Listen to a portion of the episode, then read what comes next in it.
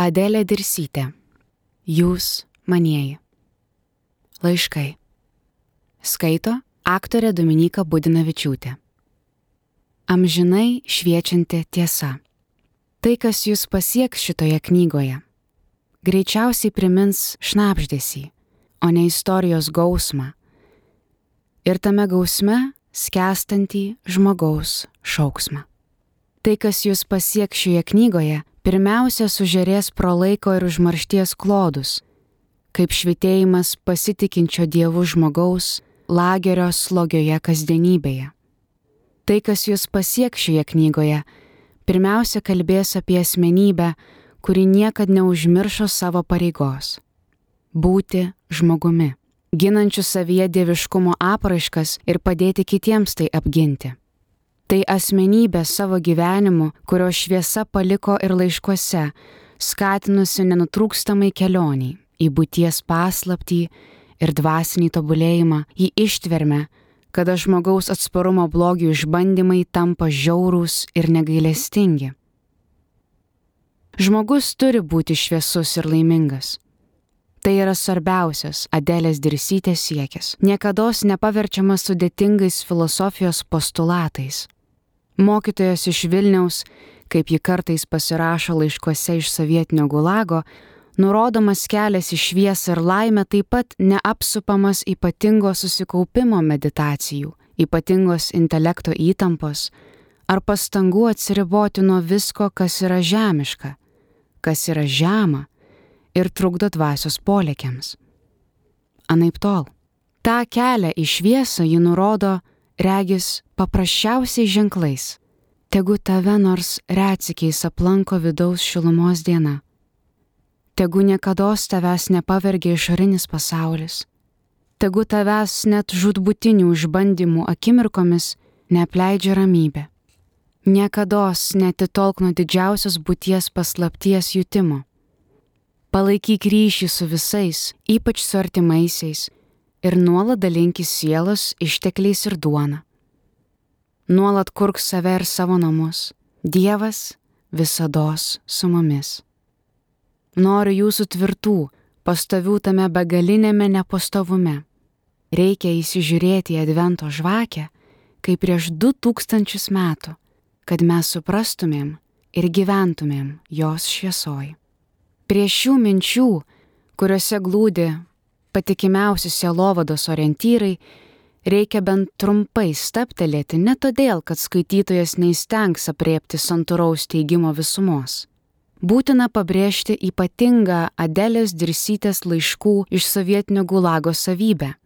Ji palieka gyvybingiausius teiginio bliksnius, patikimiausius žinojimo ir tikėjimo brandulius, iš kurių per aktyvų sielos gyvenimą gali išsiskleisti didžiulis pasaulėjutos kliautas, prasmingo gyvenimo pagrindai.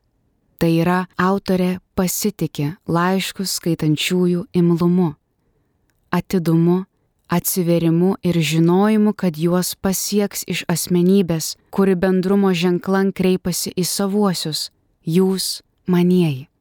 Rengusieji šią knygą prisipažino, kad buvo noras tuose laiškuose paliktus svarbiausių jų etninių, moralinių, religinių, pilietinių nuostatų brandolius išskirti kursyvu. Gerai, kad tai nepadaryta. Tai yra gerai, kad pasitikėta autentika, ir skaitytojo imliu atsiverimu. Adelė Dirsytė nieko neteigė primiktinai, nieko nediktavo. Ji tik prisartindavo, bendraudavo ir nuoširdžiai dalindavosi visais per sudėtingą, o kartu vientis ir šviesų gyvenimą sukauptais dvasios lobiais. Ir todėl Adeliai Dirsytį nėra griežtos takoskiros tarp išorinio ir vidinio pasaulio jie keičiasi, jie tarytum papildo vienas kitą. Jie kartais tampa ir skaudžių išbandymų sąlyga - šaltis, pūgos, alkis, maudžiantis iš bado tinstantis kūnas, valomas sniegas, renkamos samanos, skalbimas iš sniego ištirpintame vandenyje, sudrėkusių drabužių ir veltinių smarsas džiovykloje, lagerio tvoros, sargybos bokšteliai, šunų amsėjimas, grubus, totalitarnės sistemos paverstų aptarnaujančių personalu veidai, bet dvasės akys. Ir nuolat įteigiamas šios aplinkos, šios prievartos, šio nužmoginimo pastovumo ir tvirtumo mitas. Kaip jam pasipriešinti, kuo jį nugalėti, kur surasti patvariausią atramą ir jėgų tikėti. Adelė Dirsytė kaip patvariausią atramą nurodo tikėjimo olumą, kurio pagrindų pagrindas yra dvasinis susimastymas, spindinti tikėjimo gyvybė, didelių idealų siekis, kad ir kokia slegianti būtų aplinka, kad ir kaip būtų stengiamasi iš žmogaus atimti pasitikėjimą savo kuriejų ir savimi. Viename laiškų, rašytame po šventų kalėdų, pastebima, jau praėjo šviesos vaikelio užgimimas, bet šventasis kūdikis tegul gyvena visą laiką mūsų širdį. Tamsioji jėga visais laikais nori jį išvyti iš mūsų širdžių, o ir negalima sakyti, kad jai nesisektų. Programai sugriauti moralę, sunaikinti šviesų patvarumą. Ir tada būtina prisiminti Adelės Dirsytės pabrėžtą maldos nuostabiją galę jungtis su kurėju, su sielų pasauliu, su tėvynė, su artimaisiais, su gyvenimu, meile, viltimi, su savo kančia, per kurią atsiskleidžia žmogaus vidus, ištvermė ir tikėjimo giluma. Būtina išskirti ir kitą laiškų autorės primenamą maldos galę sutvirtėti, kad galėtum apginti dieviškumą savyje ir pasaulyje, kur tamsioji jėga ne tik agresyvi, bet ir klastinga. Dėsningai atsiveria dar viena nuostata - per tėvynę žmogus įeina į pasaulį ir istoriją. Tačiau Adelė Dirsytė šiam keliui suteikia gilesnį lygmenį - auk savo dvasia, kad per ją galėtum gilintis į tautos dvasę kurią suprasti ir pamilti reikia iki savo būtybės gelmių. Ir paliečia vieną iš tautos atgimimo pagrindų - aušrą ir varpą, kurių spinduliai deginte degino vergystę žmoguje.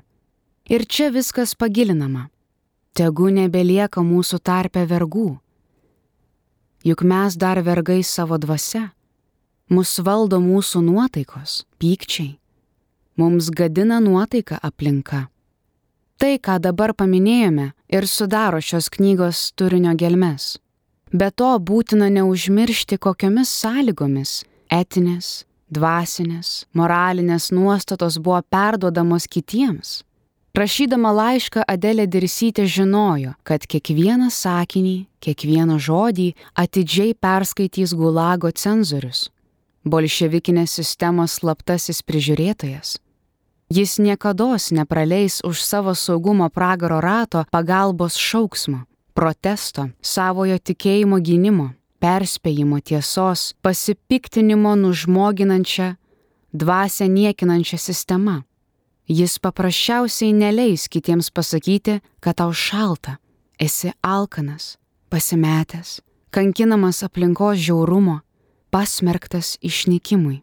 Jis leis kalbėti tik apie paprasčiausius kasdienybės dalykus. Skaitytojas, pajutęs ir supratęs, kaip ši mokytoja iš Vilniaus, šis didžia dvasia žmogus sugeba per mažytes tiesos kibirkšteles, netikėtus staptelėjimus prie esmių, poetiškas paraleles tarp gamtos ir žmogaus, tikėjimo tiesų priminimą, per svarbiausių žmogiškumo pamokų užuomenas perteikti dvasingumo, žmogiškumo, ištikimybės Dievui ir teviniai pagrindus. Iškart suvoks autorės asmenybės dydį ir šios knygos vertę. Jau buvo užsiminta apie Adelės dirsytės tą pasaulėjutos dalį, kur nesupriešinama išorė ir vidus. Nors neretai pasigirsta įspėjimas - būdėk, kad žemiškumas nepaverktų. Tai nebuvo asketiškas įspėjimas, o tik nuoroda, kur išnyksta ir kur išryškėja gyvenimo prasme. Ir svarbiausiai idealai. Todėl mūsų nenustebina laiškų autorės atidus žvelgimas į išorinį pasaulį, kuriame tiek daug grožio ir dieviškumo ženklų, tiek daug amžinybės alsavimo ir žmogiškojo buvimo prasmės. Pasakiškos šiaurės pašvaistės, spindintys snieguotais gubriais kalnai, vaivorikščiuojantys saulėtekiai ir debesys, net baltos tundros vištelės putpelės, balti kiškiai, langelis antrame narų aukšte, pro kurį srūvanti blausi šviesa gula ant laiško paliekamų žodžių. Kraštas laukia ne svajonių, bet darbščių rankų, mylinčių širdžių, be meilės nieko laimingų nepadarysi, be didelių pastangų meilės neišmoksi. Koks moteriškai jaukus ir graudus žvilgsnis, staptelėjantis prie mergaičių, bandančių gulagų purviname dugne pasipuošti mesgineliu, ryškesnės spalvos siūleliu, tvarkinga šukuosina, stropiai sulopytų drabuželiu. Ir čia pat nuolat aktyvus, būdintis, ieškantis, kenčiantis, savo tiesą įtvirtinantis dvasinis gyvenimas, siekiantis tokias suvokimo gilumas, kad atrodo, jog šiam siekimui buvo būtinas, rūstus, dramatiškas išbandymas tremtimi, kasdieninė mirties grėsme, prievarta ir negailestingumu.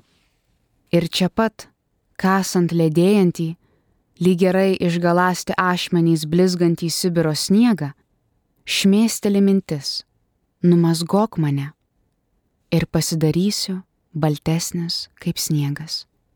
Arba atidu žvilgsnis į veidą žmogaus, kuriam rašomas laiškas, kurio veidas iškyla blausioje barako šviesoje. Esi šviesus savo veidu, man šviesus savo siela, brangus šviesiais atsiminimais ir dėkingumu, ir mūsų džiaugsmu, ir maldomis jau šiandien paskiriu tau devynės gegužės pirmasias dienas.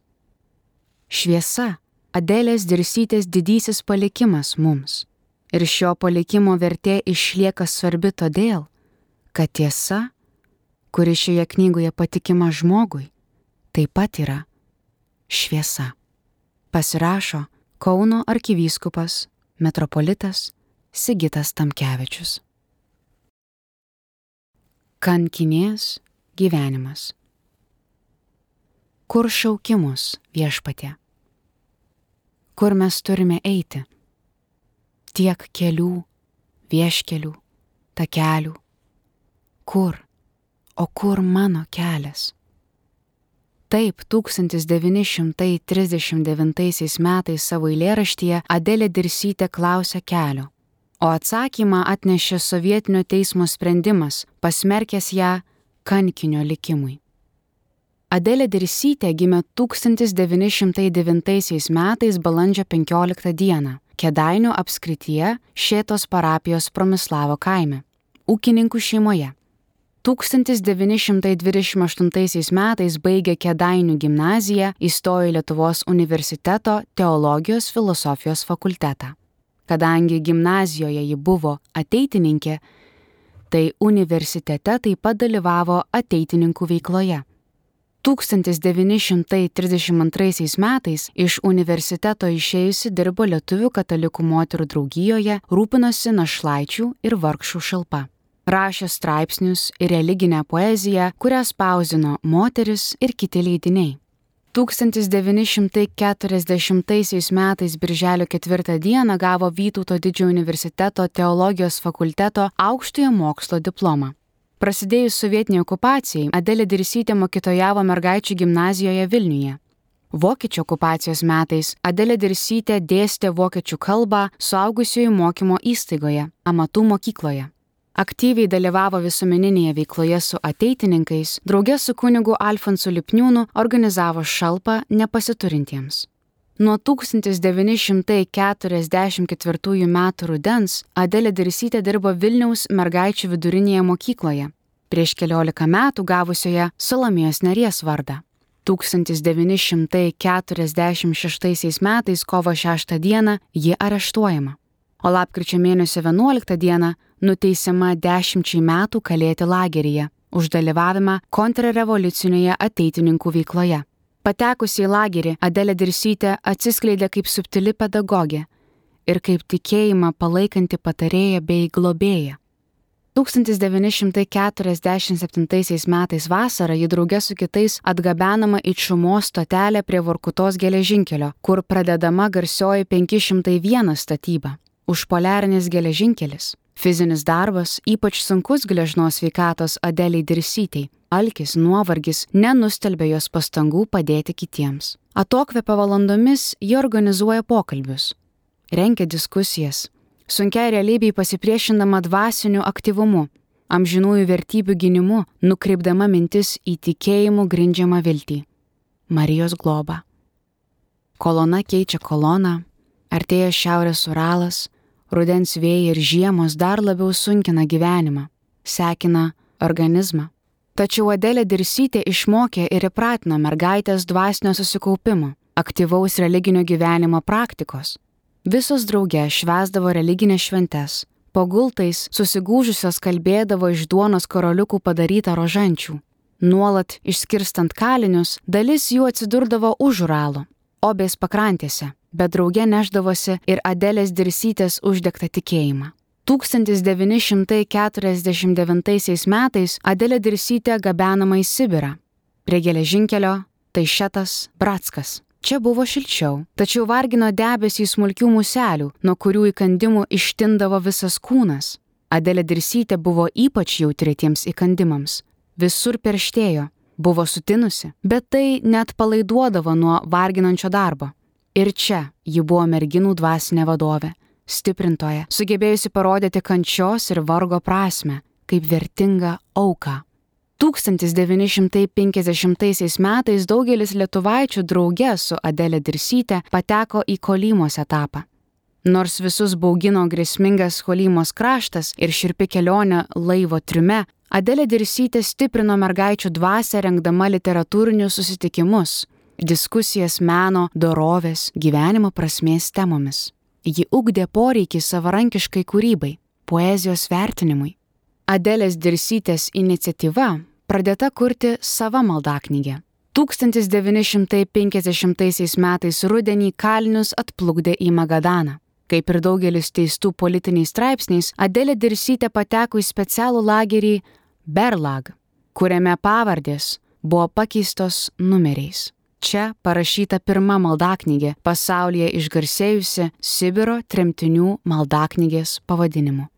Kolymos lageriuose ypatingai intensyviai buvo vykdoma totalinio nužmoginimo ir naikinimo politika. Adelė Dirsytė asmenybę išsaugoti skyrė visą savo pedagoginį talentą, visą savo dvasinį ir intelektualinį pasaulį. Skatino pažinimą ir kūrybinę veiklą, kurių visumą galima būtų pavadinti moralinės reabilitacijos sistema.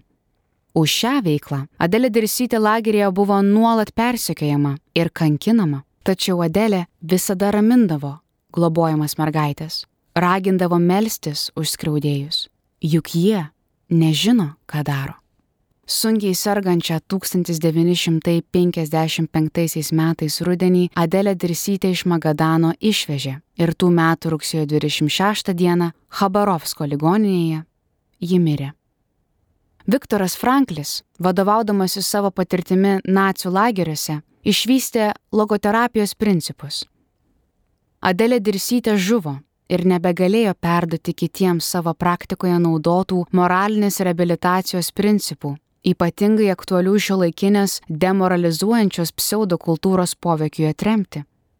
Tačiau jos ranka rašyta maldaknygė Marija gelbėk mus tapo didžiausia atgarsį pasaulyje sukėlusi lietuviška knyga, kurioje meilė ir auka tampa nenugalima jėga. Pasirašo Mindaugas Blaznelis. Leidėjo žodis. Vilniaus trakų gatvės 11 name, kuriame gyveno mokytoja Adelė Dirsytė, būrėsi bendraminčių kopelė. Čia gyveno mokytojas Česlovas Mačys, generolo Kazio Ladigos žmona Stefanija Ladigienė, neapsakomai geros širdies senas kalbėja ir kasdieninių reikalų šeimininkė visų vadinama teta Agnietė Stašaitytė, Adelės Dirsytės sesers Kotrynos sūnus Stasys Ivanauskas ir kiti. Būrelis leido ranka rašytą laikraštėlį Raudonasis užpečkis, kurio išėjo keli numeriai. Tačiau okupantų saugumo rankos pasiekė ir užpečkio bendraminčius. Adelė Dirsytė atsidūrusi kalėjime neužmiršo savo bičiulių. Kai tik atsirasdavo proga ir galimybė, rašydavo trumpus, bet pilnus padrasinimo ir pareigos bei žadinimo išlikti žmogumi laiškus. Daugiausia laiškų parašė Stasiui Ivanauskui, siūsdama juos į užpečkį Agnietės Tašaitytės vardu. Yra laiškų Algiui Skinuliui, Adelės Dirsytės sesers Agnietės sūnui ir kitiems giminaičiams bei artimiesiems. Leidėjas, skelbdamas žinomus Adelės dirsytės laiškus, norėjo skaitytojui per juos atskleisti autorės dvasios taurumą, jos didybę. Norėjo, kad šiandien sunkiai suvokiamomis sąlygomis mokytojas iš Vilniaus bertas ir artimųjų bičiulių širdis šviesos grūdas šiandien kristų ir į skaitytojų sielas. Nes jo žodis, jos reiškiamos mintys persunktos giliai tikinčiojo kilnumu, amžinomis bendražmogiškomis vertybėmis. Skaitydami Adelės dirsytės laiškus pajusime, kad herojiškoji mokytoja kreipiasi ir į mus, jūs, manieji. Jeigu įsiklausysime į jos žodžius, didžiosios mokytojos iš Vilniaus gyvenimas, jos kančia ir mirtis tremtyje nebus bevaisė. Norint išlaikyti tremtinės gyvenimo ir kančios aplinkos dvasę, laiškų, išskyrus akivaizdžius netikslumus ir keleto žodžių paaiškinimus po jų, kalba netaisyta. Tikima, kad kaip jos parašyta maldaknygė Marija gelbėk mus, dar netolimoje praeitie buvo slaptai dauginama ir tūkstančių skaitoma, taip ir dabar skelbiami laiškai susilauks dėmesio. Leidėjas dėkoja rūpestingam Adelės dirsytės gyvenimo pėdsakų saugotojui Stasiui Ivanauskui, leidusiam pasinaudoti savo sukauptų archyvų. Mindugui Blazneliui už išsamei aprašytą tremtinės gyvenimą ir ypač Kauno arkivyskupui metropolitui Sigitui Tamkevičiui šiltų žodžių palydėjusiam Lietuvos kankinės laiškus. Pasirašo Domas Akstinas. Jūs, manieji, Kaip niekur kitur šiuose sąlygose apsireiškia žmogaus vidus. Anose sąlygose daug slaptų kertelių. Čia viskas išriškėja, apsireiškia. Dar nebuvau tokių savybių pastebėjus. Mūsiškė Eugenija sumodernėjo, nebemėgsta senovės, religiją kritikuoja, net pajokia, kreipinių ponas, panelė ypač nekenčia. Mane daugelis vadina su P Ji manęs nekenčia, kadangi bronė dažnai kalba su manimi, taigi ir jos. Kadaise bronė jai buvo dovanojusi kelnaitės. Dabar, numesdama sugražino. Gražinimo paslapti pasisakė svetimosioms. Nors dirbame vienoje brigadoje, mudviejų niekad nepakalbina, net ir eisinoj bėgo nuo mūsų. Kartą jį broniai mano akivaizdoje kalbėjo, kam tu susidedi su Ada ir ponė Leonida jos užsidės skrybelės ir uodega tau parodys. Mes nemėgstam tų, kurios nuduoda išmintingesnėmis, didesnėmis, garbingesnėmis, bet dar labiau nesuprantamas noras būti prastesniam už praščiausius. Eugenija būtiniausiais reikalais ir mudvi rusiškai šnekina, nors tą kalbą ypač silpnai moka. Jis sakosi mėgstanti tik vargdienius mūsų krautuvėlėn dažnai atveža kompinžiro, hidrožiro ir margarino. Duonos būna ne kasdieną. Duoną gauname pirktis pagal brigadas, o tarp savęs dalinamės. Šiandieną mūsų subronė gavimo eilė.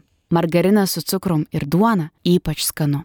Cukraus retai atveža ir perkame tik po 400 gramų. Aš gavau iš viso už balandį 205 rublius, už gegužę 90 rublių, už birželį 65 rublius. Jokių rūbų nepirkinėjau, viskas maistui. Jau pripratom. Turiu, valgau, neturiu, kenčiu.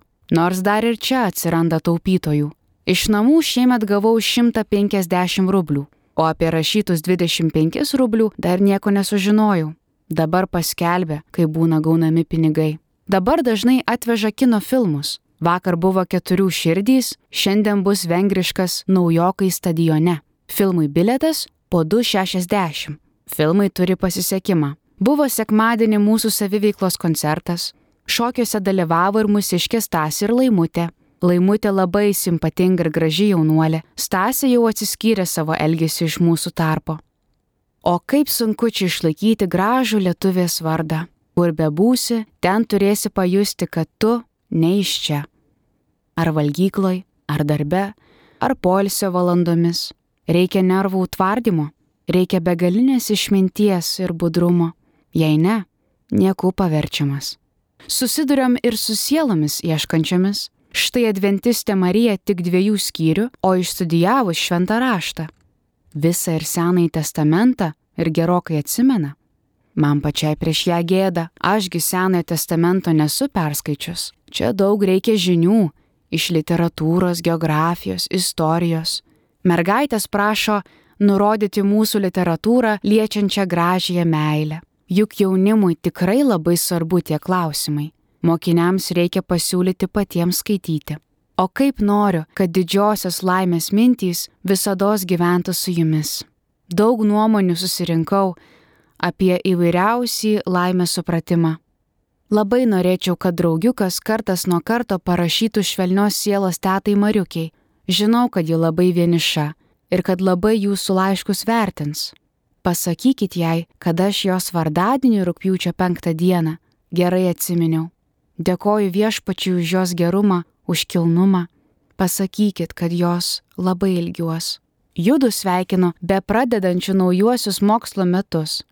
Aš bent tą pirmąją dieną labai išgyvenu, nes labai anų dienų pasilgau.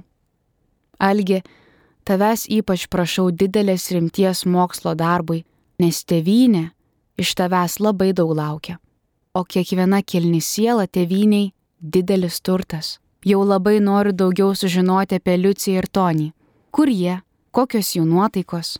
Aš esu labai ir labai laiminga, nes viešpats mano sielai teikia ramybės, duoda jėgų, minčių.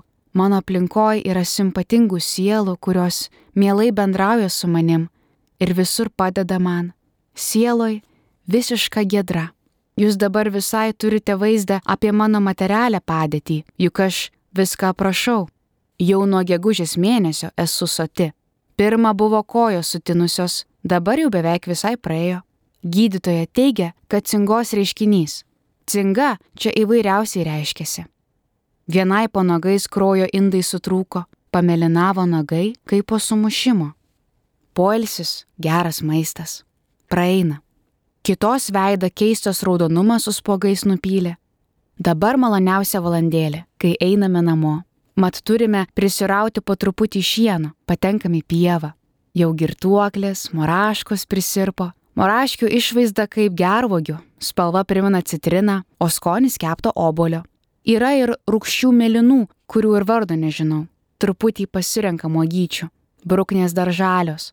Pernai anksčiau pribrendo, Tik jau antra diena muselės pradėjo varginti mus, nors šiemet jų daug mažiau.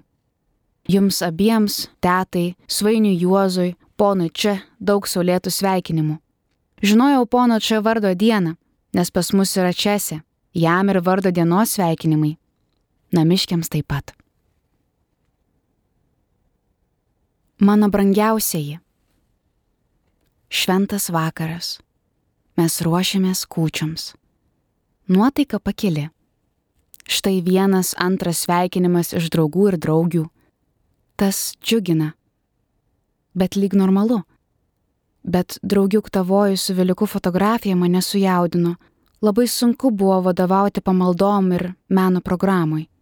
Nenorėjau nemiego, juk kokia laimė būti su jumis, žinoti, kad jums sekasi, kad Viliuko tėtė namie O kiek viešpaties gailestingumo, gerumo, kiek daug bus lengviau toms mūsų auksaširdėms globėjams, jūsų mamoms. Prie kūčių stalo sėdėjome penkios. Buvo jauku, turėjome net skanumynų. Net duoboliai, mandarinka ir biskvitų buvo ant stalo.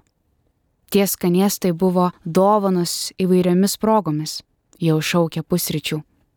Jau pasibaigė šventės, lyg dideliai pavargom daug įspūdžių, daug naujų sielų, niuansų, išgyvenimų. Šį mėnesį mažai polisio dienų, naujas kolonos darbo viršininkas žiūri tvarkos, baudžia. o mes greit vadžias paleidžiame, išmokom daug ir nereikalingo kalbėti. Tas iš tavo laiško džiaugsmas dar tepi gyvena su manim. Šiandieną sekmadienis, dirbsime nedaug. Visos eisime į kalnelius Malkų 9 val. Popietis bus laisvas. Nutarėm su savo nauja preteliuke levute rašyti į savo namus. Ji šiandieną gaus siuntinį. Vakar gavome sveikinimą iš miesto devinių mergaičių abi. Gražus piešinys, Abi norėjome, metėme burtą. Ji laimėjo. Aš taip ir norėjau, nes aš daugiau gaudavau. Kai ką noriu persiųsti į namus iš tų sveikinimų. Koks įdomus mūsų Vilius. Jo veidas man patinka. Jis prieš čionykščius vaikus. Didelis. Visos taip sako. Dėl tonio. O kaip aš norėčiau prašyti, maldauti, kad jis kultūrintųsi, kad nepaskestų niekingose žaidimuose, tuštybei. Juk tėviniai tam reikia sumanių, energingų, darbščių vyrų. Draugiuk, kiek daug čionykščio jaunimo dar svajoja mokytis, kas jiems padės. Aš savo artimiausios raminu, kad bus pagalba. Galvoju, kad ir jūs ją mums suteiksite. Nejaugi jūs tik tuščiais žodžiais mūsų laukite, arba mes jums mirę. Kai aš žiūriu į savas jaunuolės, kurios glaudžiasi prie manęs, kad mokytis, kad sužinoti, Man graudu darosi, kad kai kas ir pavalgęs negyvena tuo bendru tėvynės troškimu - šviestis, lavintis, kad sumažintų visokiojopą skurdą. Mes mokomės darbę iš popierėlių, dideliame šaltį, nuovargį užsiduodame kiekvieną dieną šitą iš savęs išspausti. Brangyčiai, jūs būsite mums mokytojais, to iš širdies prašau. Mums visokių žinių trūksta, o norai mūsų dideli. To labai prašau ir Liucijos, ir Genutės. Draugiuk, tu nuo savęs joms tą primink. Iš tavęs 70 rublių gavau. Jie labai man palengvins, nes šiuo momentu mūsų brigada tik koloną aptarnauja, mums nieko nemoka. Labai dėkinga. Gavau 12 mėnesio 10 dieną iš Katriutės siuntinį ir 10 egzempliorių tiesos. Nežinau iš ko, viskuo džiaugiuosi. Šie metai man buvo geri, nesunkus. Nuo gegužės mėnesio ir su maistu buvo nesunku. Gavau iš jūsų 150 rublių, paskui pati uždirbdavau, o ateitis - Dievo rankose. Dvasiniai irgi nejaučiu skurdo. Perskaičiau keletą knygų, retkarčiais paskaitydavau laikraščius. Turėjau gerą prietelę Teresę, kuri mano sielai atatinka. Daug moralinės ir materialinės pagalbos iš jos turėjau. Dabar su levute auklėjamės, lavinamės, ji tavo bendrametė, Mane tas džiugina, kad ji nori tobulintis. Mudvi kartu miegam, dirbam ir valgom. Kūčiose turėjom kalėdų senelio laišką. Mes viena kitai rašėm. Orakulą. Surašom ant atskirų kortelių po vieną žodį ir traukinėjom. Dėstome. Parašiau rašinėlį mergaitę. Man buvo labai miela, gera.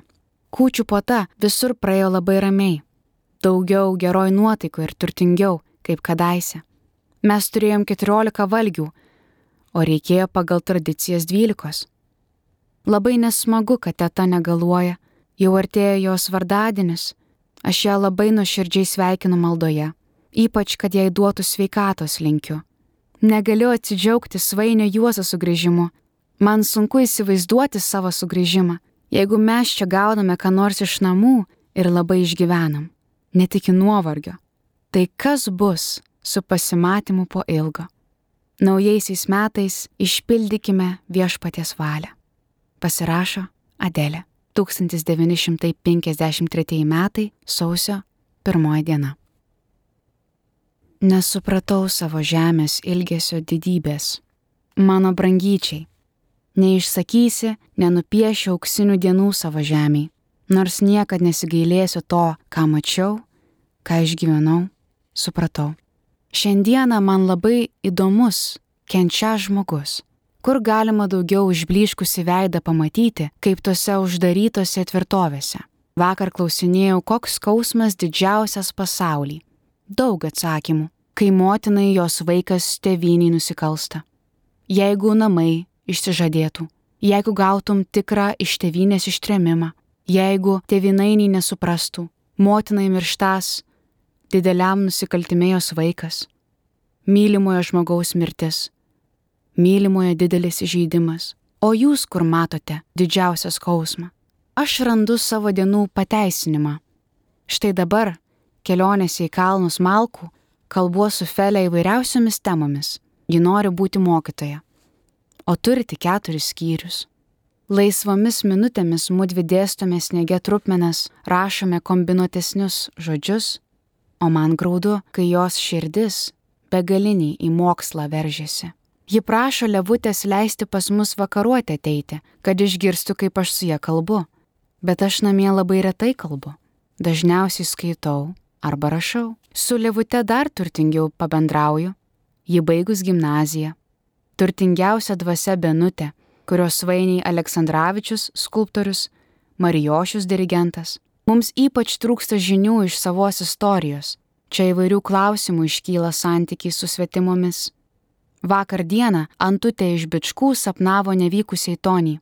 Jis jai pasirodė subrendęs, gražus, jos nepažinęs. Gal jūs gavote laišką, kuriame ji prašo sužinoti apie jos saviškius ir giminės. Brolis jos gyvenė Šėtos gatvėje 54, o teta, Kalvaitienė, Peletnagiuos. Paprašykit namiškių, kad jie pasiteirautų. Jau gavau tris kartus tiesą. Pirmą 10 egzempliorių, antrą 7, trečią 13 egzempliorių. Labai ačiū, mes skaitome daugumą. Taip pat pirmąjį šiemet laišką iš genutės gavau. Iš jų dviejų broliai gruodžio mėnesį. Taip pat tavo 70 rublių. Retkarčiais atveža krautuvę, o ypač gerai papildomas per virtuvę, kuris už dešimtadienį kaštuoja 27-28 rublius. Su papildomu visai maisto pakanka. Aš nuo gegužės mėnesio iki šios dienos nejaučiau maisto stokos. Gerokai padiktėjau, jaučiuos gerai, turiu jėgos dar anksčiau atsikelti skaityti. Jau gerokai pramokau rusiškai skaityti. Dabar geriuos Nekrasovo kūryba. Daugelis man pavydė mano skaitimo įstros, Su Jonaviškiam susižinau. Tik šakietės kazytės nebejaučiu. Kur ji? Labai norėčiau žinoti apie ponę ir jos saviškius, taip pat apie ponę Kotriną. Jeigu namiškiai siūs siuntinį, tegul rašo ilgą laišką. Man stokoja popieriaus ir vokų, dabar aš nieko nebeuždirbu. Labai noriu mokytojauti, dabar žymiai sustiprėjo pažiūros į žmogų ir pasaulyje žiūra, dabar viskas šviesiau, prasmingiau. Dabar man kiekviena diena labai brangi, niekad nenobodu, nes tai didelė Dievo dovana.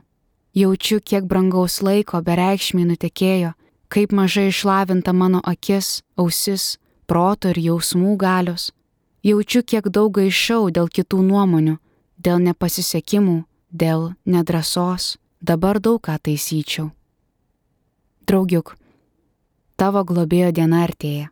Labai noriu, kad tu kūrybiškas būtum, kad tu būtum naujo ieškotojas, kad tu tarnautum savam žmogui. Aš kasdieną su jumis visais.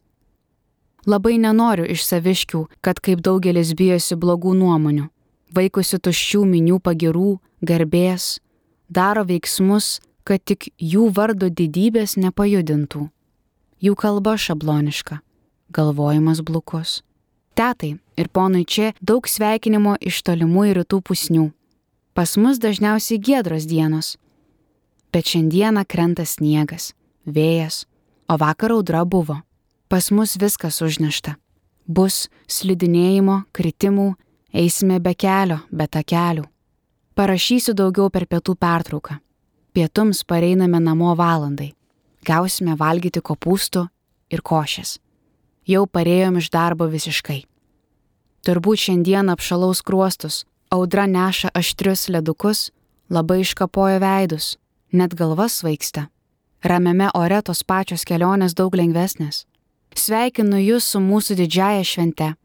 Pagalvokime apie aušrą ir varpą. Tegul tie aušros spinduliai išlaiko mūsų viltis, o varpas te būdina visus, visus tegul nebelieka mūsų tarpe vergų, juk mes dar vergai savo dvasia, mus valdo mūsų nuotaikos, pykčiai, mums gadina nuotaikas aplinka. Vėl darbe kalbėjom apie didžiausią skausmą. Žemaitukė Marytė labai nori su ginklu kariauti, nori vyrų būti. Ji labai jaunuolė, gimusi 1930 metais, mūsų tarp ir jaunesnių yra. bet brandesnės dvasia. Jums visiems ir namiškiams linkiu prasmingų Velykų švenčių. Noriu, kad šventės jūsų dvasę atgaivintų. Kovo mėnesį daugiausia dėmesio skirsiu svainio Juozo intencijų palaimai. Algi, dabar noriu ir labai lauksiu laiško ir žinių iš tavo pasaulio. Paprašykit ir Liucijos, kad parašytų. Supažindinsiu jūs su mūsų sveikinimais. Tegul viešpats saugo jūs, pasirašo Adelė. 1953 metai, sausio 27 diena. Pranutė. Mes prieš mūsų didžiąją šventę tris dienas kalbėsime po dalį švento rožančiaus. Pirma, prašysime tautai palaimus. Antra, prašysime žuvusiems amžino polisio. Trečia, dėkosime už gerybę suteiktas tautai. Darysime sąžinę sąskaitą, priimsime dvasinę komuniją. Julijos vardadienis vasario 16 dieną. Gal jūs ją kada nors matysite? Prašome perduoti nuo jos čionykščių pažįstamų nuoširdžiausius sveikinimus. Aš gaunu iš namų tiesą. Jau keturis kartus atvežė po dešimt egzempliorių. Laiškuose rašo, kad Lietuvoje oras vasarą buvo blogas. Aš jau penktoji diena dirbu Safhoze. Nešioju krosninkams mišinį. Pranutė, kaip sveikata? Ar turi žinių iš namų? Iš viso, kas naujo? Kaip musiškės gyvena? Ar valė jau išėjo? Ką ji dirba? Vandutė žada apie kovo 17 dieną išeiti. Jums nuo mūsų visų gražiausi sveikinimai. 1953 metai vasario 12 diena. Zinutė. Jau praėjo šviesos vaikelio užgimimas, bet šventasis kūdikis tegul gyvena visą laiką mūsų širdį. Tamsioji jėga visais būdais nori jį išvyti iš mūsų širdžių, o ir negalima sakyti, kad jai nesisektų. Programui sugriauti moralę, sunaikinti šeimų patvarumą, ar nevyksta. Kaip norėčiau su tavim, brangytė, daug dabar kalbėtis. Kaip noriu artimųjų širdžiai turėti arti ir gyvų žodžių dalintis patirtimis. Norėčiau kaip ko labai prašyti. Popierėlį? Ne. Dirbu arti jūsų. Nuo sniego krūvos matau vyrų barakus. Moterys aiškina. Rodo jūsų būtus. Kalba, kad mūsų objektą perkels pas jūs. Nes mašinom važinėjom. Mums tas daug nepatogumų teikia, nes dėl mašinų nepunktualumo mes ilgokai gaištame, nors į tą niekas dėmesio kol kas nekreipia. Kalba net apie grįžimą į šeštąjį. Iš Benės labai laukiu. Raganėlė. Ji čia labai svetimai jaučiasi. Dabar jau niekur nebedirba. Aš ir kitas mielas branges mergytes sveikinu su naujais metais. Tegul jie mums būna palaimingi. Šviesos pilni Bijau pavardžių sąrašą rašyti, nes labai daug ką noriu sveikinti, su daug ko noriu kalbėtis. Perdok ypač broniui sveikinimus nuo manęs ir Teresės. Gavau už tėją du laiškus. Na, kaip Janutė gyvena. Krautuvė dabar pas mus menkoka, retai atidaroma, jau imu čia priprasti. Tik pirtis, skalbikla mus erzina. Į laisvę iš mūsų dažnai išeina. Net darosi mums kasdienių reiškinių. Gyvenk švieso ženklę. Tegul jis įeina į mūsų širdis giliau ir giliau. Tegul jis mums gimsta kasdien. Pasirašo taviškė. 12 mėnesio 28 diena. Girdėjote Adelės Dirsytės laiškų Jūs manieji ištraukas. Skaitė aktorė Dominika Budinavičiūtė.